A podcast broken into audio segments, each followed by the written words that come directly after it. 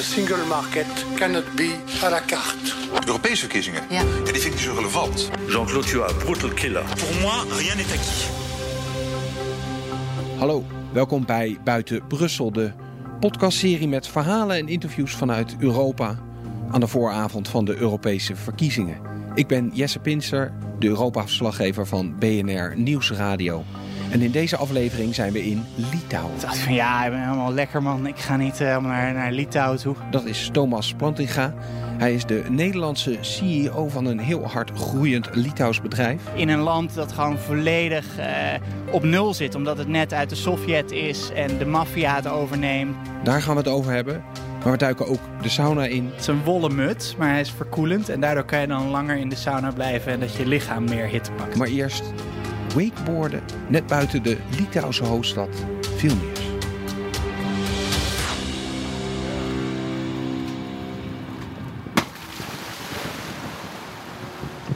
Hi, Jesse. Hoe ging die? Ja, het was lekker. Er is, het wind is een beetje gaan liggen, dus het is wat rustiger, dus het is fijn. En eh, het is niet zo druk zoals je ziet, dus eh, alle ruimte om eh, lekker los te gaan. Waarom wilde je hier afspreken? Nou, dit is eh, denk ik een plek waar ik gewoon zelf eh, lekker mijn hoofd leeg krijg en ehm, gewoon eh, geniet van, van de omgeving waarin ik ben. Het is, het is hier groen, het is hier lekker buiten en dit is Nou, gewoon... langs de snelweg, hè? Ja, goed. Je kan niet alles hebben. Dat mensen een al te mooi beeld krijgen van ja, waar er we ligt staan. wel, ligt wel een mooie snelweg langs en een oud Oostblokgebouw ernaast. Dus het, het is niet alles, maar het is wel lekker hier. Het hoort misschien ook een beetje bij Litouwen. Ja, tuurlijk. Het, het, het is nog een beetje. Het heeft een beetje de littekens van vroeger, maar eh, het, eh, het is best wel fijn hier. En di- En dit noemen we dan wakeboarden? Ja, het is weekborden. Dus het is. zeg maar... kite, kitesurfen, dat is alleen als je er een kite boven hangt Ja, natuurlijk. precies. Dus hetzelfde, alleen dan zonder kite. Dus we hebben hier een kabelbaan, want het waait niet zoveel in Litouwen en de kust is vrij ver weg van Vilnius. Dus in Nederland kitesurfde ik heel veel en hier doe ik dit. En, Professioneel zelfs op een gegeven moment, toch? Nou ja, goed, een beetje sponsoring en eh, het, het valt, allemaal wel mee hoor. Het, eh, Dan heet het al snel professioneel. Ja, en in die tijd eh, kon echt helemaal niemand kiten. Dus was het ook nog... als je zeg maar opdaagde met je wedstrijd aan, dan was het al goed genoeg. Dus het is wel, het valt allemaal mee. Maar veel gedaan toen, ja. En nu doe ik dit. Dus relaxed. Waarom ben je in godsnaam in Litouwen gaan wonen? Ja, nou ja, dat was, dat was helemaal niet het plan. Eh, ik woonde toen tussen eh, New York en Barcelona. We hadden een eh, mo- mobiel, mobiele marktplaats gemaakt voor de US. Dus zeg maar marktplaats.nl zoals we het kennen in Nederland. Alleen dan volledig op mobiel. Eh, waardoor je kan chatten en alles. eh, en daardoor werkt dat beter. En in de US heb je Craigslist, wat heel erg verouderd is. En daarvoor zagen we een opportunity om dat te vernieuwen. Eh, maar er waren meerdere partijen die dat deden. Het was een hele grote investeringsstrijd waarin we letterlijk honderden miljoenen per jaar verbranden. En op een zeker moment was het een goed idee om samen te gaan met een andere partij. Dat is een beetje pijnlijk voor, voor het ego, maar waarin je eigenlijk wegstapt omdat het gewoon beter is voor alles als we samen gaan. En eh, toen... Niet helemaal jouw keuze, hoor ik. Nou ja, goed. Kijk, het is natuurlijk. eh, ik, ik, weet je, je neemt die keuze we namen hem samen. En eh wist gewoon dat dat het beste was voor het bedrijf en voor de investeerders. En maar ja, goed, het liefste maak je natuurlijk zelf de grootste tweedehands marktplaats van de US. Eh, maar ja, goed, dat moesten we afgeven aan jongens die we kenden. Ja, en dat doet dan ego-wijs een beetje pijn. Eh, financieel gezien weet je dat het gewoon het juiste is en dat je dat moet doen. En dat is gewoon je verantwoordelijkheid. En eh, ja, Dus jij zat een beetje in Manhattan, af en toe aan de Ramblas in Ja. Barcelona. En toen dacht je ineens, Vilnius. ja, ik dacht dus, ik dacht dus, ik dacht veel wat? Wat? Eh, Lithuania, wacht even, is dat Letland, is dat Litouwen? Je moest de atlas erbij pakken. Ja, ik moest echt even kijken. En eh, ignorant als ik, eh, als ik was, had ik er echt een ontzettend achterlijk beeld van. Ja, ja, echt nog een soort van Sovjet-staat eh, idee van. Er was een bedrijf hier en die kwam op de een of andere manier bij jou terecht. Ah ja, dus, dus de connectie is, de investeerders in ons vorige bedrijf zijn dezelfde investeerders als in dit bedrijf. En die zeiden dus van, hey Thomas, wil je niet wat meer bedrijven ook helpen? En eh, je moet echt eens eventjes eh, naar, eh, naar Litouwen gaan. Want daar zitten Justus en Mantas en het gaat allemaal niet zo lekker. Die hebben even wat, wat advies nodig. Toen dacht ik van ja, ik ben helemaal lekker man. Ik ga niet uh, naar, naar Litouwen toe. Maar toen uh, dacht ik van oké, ik neem wel een telefoontje. Ga even met ze bellen. Kijken of ik over het telefoontje misschien wat kan helpen. En toen ontmoette ik die gasten en ik dacht van wauw, dat is echt te gek. Weet je. Ik hoorde de verhalen, sinds hun twaalfde, dertiende bouwen ze internetbedrijven in een land dat gewoon volledig uh, op nul zit. Omdat het net uit de Sovjet is en de maffia het overneemt. En uh, je hoort die verhalen over hoe ze gewerkt hebben, wat ze gedaan hebben hier. En dan hoor je hoeveel pijn er nu zit in dat het nu niet werkt. En dat het, uh, weet je, het enige echte internetbedrijf is hier. Twee briljante gasten die keihard gewerkt hadden voor waar ze waren. Maar nu werkt het gewoon even niet. En uh, ik dacht van ja, weet je, dit zijn zulke interessante gasten. Ik wil ze gewoon ontmoeten. En weet je, ik ga er gewoon heen en dan, uh, dan leer ik in ieder geval een hoop van hun. En misschien leren ze wat van ons, van mij. Je staat nu nog een beetje te druppelen. Dus ja. misschien moet je gewoon lekker die helm en dat pakken even uit gaan trekken. Pakken we nou, dat is een lekker terrasje. Ja. Zelfs het zonnetje breekt een beetje door. Pakken Precies. we even een kopje koffie en praten we dan verder. Helemaal goed. Zo, terras. Yes, dit is wel fijn. Moest je wennen toen je hier kwam wonen? Ja, en nee. Dus uh, aan de ene kant uh, moest ik erg wennen aan uh, dat het heel veel kleiner was. En dat het een beetje qua size stad, soort van Utrecht is, waar veel minder te doen is. Maar aan de andere kant waren er best wel wat dingen die ook heel erg me thuis lieten voelen. Dus bijvoorbeeld hoe direct de mensen zijn hier en... en dus... lijkt een beetje op Nederland hier. Ja, ik, ik, denk op een of andere manier heeft het best wel veel uh, overeenkomsten. Ik weet niet waarom dat is, maar ik zie gewoon veel vergelijkingen in hoe mensen met elkaar omgaan. En uh, natuurlijk is het uh, niet helemaal hetzelfde, maar er zijn gewoon veel, veel overeenkomsten. En een van die dingen is gewoon dat mensen hier erg direct en eerlijk naar elkaar zijn, wat het werken erg makkelijk maakt. En ook sociaal qua vriendschap makkelijk maakt. Want je weet gewoon vrij snel wie, wie zeg maar, je aardig vindt en wie niet. En terwijl het met Spanjaarden bijvoorbeeld, ja, het duurt echt drie jaar en dan snap je nog niet hoe het in elkaar zit. Dat is een beetje thuiskomen gewoon. Ja, en, en wat dat betreft wel. En daarvoor klikte het denk ik ook gewoon goed met het team hier en de mensen die ik ontmoette. En, en dat maakte het een, een, stuk makkelijker. Ja, er zijn natuurlijk een heleboel dingen die gewoon echt anders zijn hier. Uh, maar ja, ja, zoals? Er zijn gewoon veel minder mensen, dus veel makkelijker en directer kom je ergens binnen. En het is van, uh, inderdaad, tot we zeggen van uh, de, de, de, wachtrijen bij een bank tot uh, niet hoeven te boeken van een restaurant. tot, je kan gewoon overal nog makkelijk binnenlopen. En in New York als je uit eten wou, dan moest je eerst 20 minuten 15 restaurants bellen voordat je er één had die nog een tafeltje had. En uh, ja, hier lopen we de stad in en dan denken we, uh, terwijl we aan het lopen zijn waar we heen gaan. En dan is er eigenlijk altijd plek. En, en dat is gewoon best wel lekker. Je zei, er zijn ook wel hele grote verschillen met Nederland. Laten we het daar mee vergelijken. Wat is er één die jou heel erg opviel gelijk? Nou, mensen zijn een stuk armer. Als je kijkt naar het uh, weet je, de gemiddelde salaris in, uh, in Litouwen en, en met wat voor geld mensen rond moeten komen, is dat gewoon echt heel anders. En daarnaast is daardoor ook de attitude van mensen ten opzichte van, uh, um, ja, ten opzichte van werken is, is heel anders. Want je moet je voorstellen, 1991, het land staat op nul. En nu zit het gewoon, ja, is het best wel op een goed niveau. En al die mensen die hebben gemerkt van ja, als ik werk in dit kapitalistische systeem, gaat het gewoon een stuk beter voor me. Dus mensen zijn bereid ontzettend hard hun best te doen om het gewoon wat beter te krijgen. Werken ze harder dan Nederlanders? Hoor ik dat hier een beetje tussen de regels door? Ja, absoluut. Veel harder. Ja, ja. dus dat is. En dat is iets wat. Uh, ja, dat vond ik ook wel lekker. Want ik ben zelf nogal fanatiek. En als ik op kantoor aankom, dan uh, gewoon het gas erop. En dan gaan we elkaar ons best doen totdat we niet meer weten wat we moeten doen. Dan gaan we naar huis.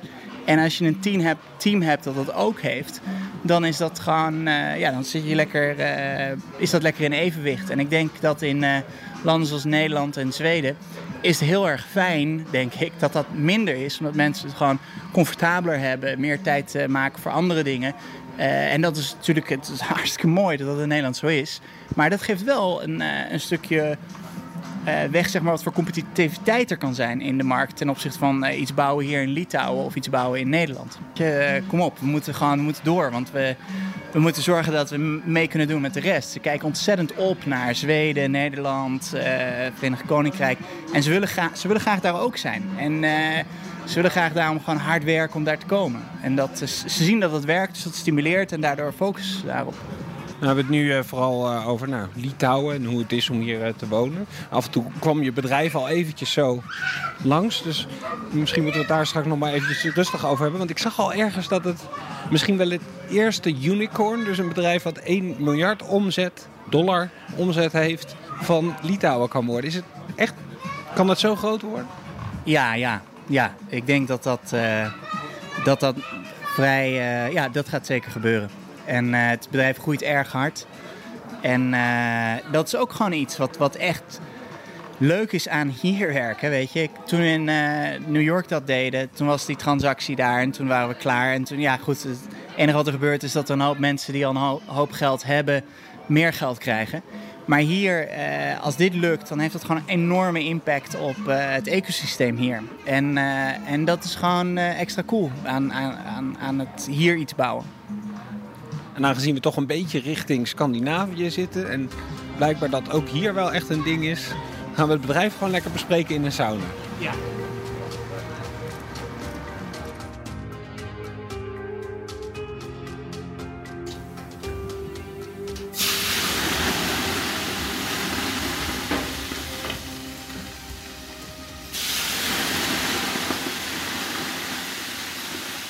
Zo, lekker waar.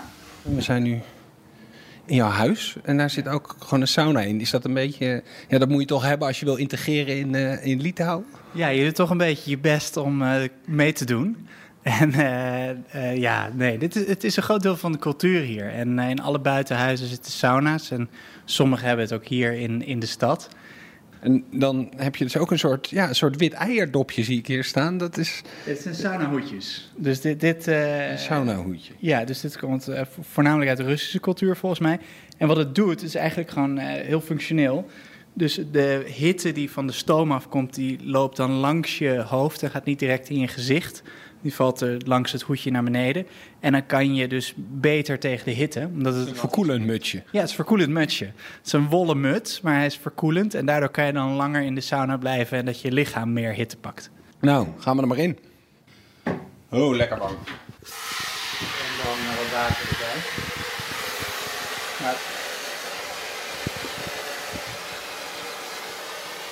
Dan gaan we met het eerste naakte interview wat ik doe. We hadden het al eventjes over je bedrijf. Tenminste, het kwam al af en toe even langs. Want je bent CEO van Vinted. Wat, wat is Vinted? Ja, het is, eigenlijk is het heel makkelijk. Uh, we zijn een marktplaats voor tweedehands kleding. Uh, en daarin zijn we de grootste van de wereld. En we zijn uh, voornamelijk actief in landen zoals Frankrijk, Duitsland, nu net in België en Spanje, de UK, Polen, Tsjechië en Litouwenië. Ik mis Nederland nog in dat lijstje. Ja, dus uh, we zijn uh, net de laatste deals aan het uh, finalizen met PostNL en met de Nederlandse shippingmaatschappijen. En ik denk dat we in Nederland live gaan dit jaar. Was het zo lastig, Nederland, dat het nu pas komt? Nee, ehm, het lag gewoon later in de prioritisatie ten opzichte van andere landen, omdat het minder groot is. En we eerst de grotere landen in, in Europa op de rails zouden hebben, zoals Frankrijk en Duitsland. En uh, daarom is het wat later gekomen. En die Oost-Europese landen waren er al omdat daar ooit begonnen is. Toen kwam jij 2,5, 3 jaar geleden hier binnen. Want toen ging het eigenlijk helemaal niet zo goed meer met het bedrijf, toch? Nee, nee. Op dat moment ging het niet zo goed. En uh, ik kwam wat advies geven voor een paar weken. En praktisch gezien uh, was de userbase die was, aan, het, aan het afnemen. En er was nog geen businessmodel gevonden. En er was ongeveer negen maanden aan cash op de bank om te overleven. En, um, en uh, toen heb ik de founders ontmoet, samen met hun gezeten. En eigenlijk hadden we na vijf weken best wel een goed plan. We moesten een hoop veranderen. Uh, maar... Wat was het belangrijkste wat moest veranderen op dat moment? Een um, aantal dingen. Dus, dus uh, A, de structuur van de organisatie moest veranderen. Alle dure offices in Londen, Parijs, San Francisco moesten weg. Uh, de helft van de mensen moest uh, ontslagen worden. Het was eigenlijk te snel gegroeid. Ja, ja. En uh, ja, absoluut. Het, voordat ze een. De, het idee was, we kopiëren een Amerikaans businessmodel. En we pompen nu heel erg hard om eh, hard te groeien. En dan als we gaan monetizen, dan komt het wel goed. Want in Amerika is dat ook gelukt.